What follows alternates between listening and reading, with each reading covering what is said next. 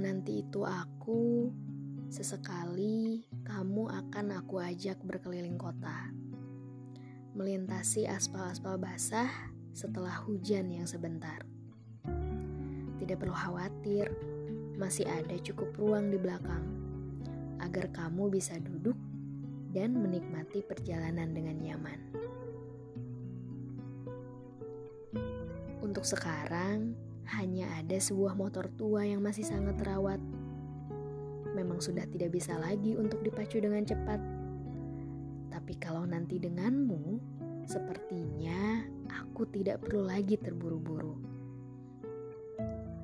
Kalau nanti itu aku, sesekali akan aku ajarkan kamu untuk mengambil beberapa gambar dengan kamera tua yang selalu aku bawa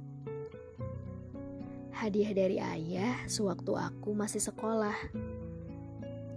Meski akan terasa berat saat kamu membawanya, juga sama sekali tidak praktis kalau kamu bandingkan dengan yang sekarang banyak orang miliki.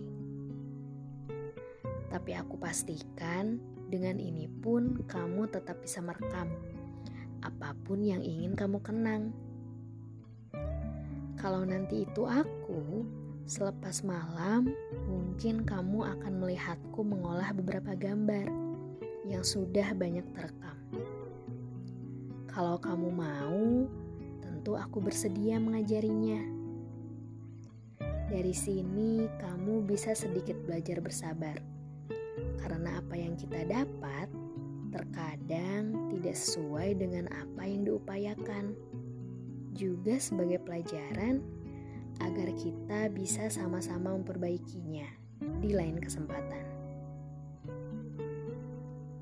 Kalau nanti itu aku, mungkin kamu akan sesekali menyendiri, menerka-nerka kenapa kita bisa menempuh semuanya sambil membawa begitu banyak beda.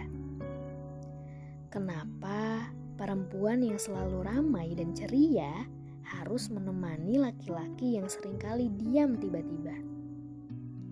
Kenapa perempuan dengan ilmu eksak di kepalanya bisa menjadi teman sejalan untuk laki-laki yang lebih senang berkarya dengan hayalannya?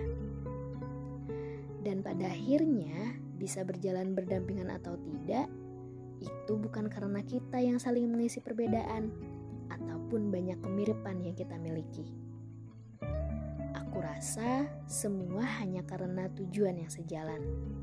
Sepertinya itu yang utama. Dan semua hanya akan terjadi kalau memang nanti pemerannya adalah aku. Entah bagaimana kalau nanti kamu dengan yang lain.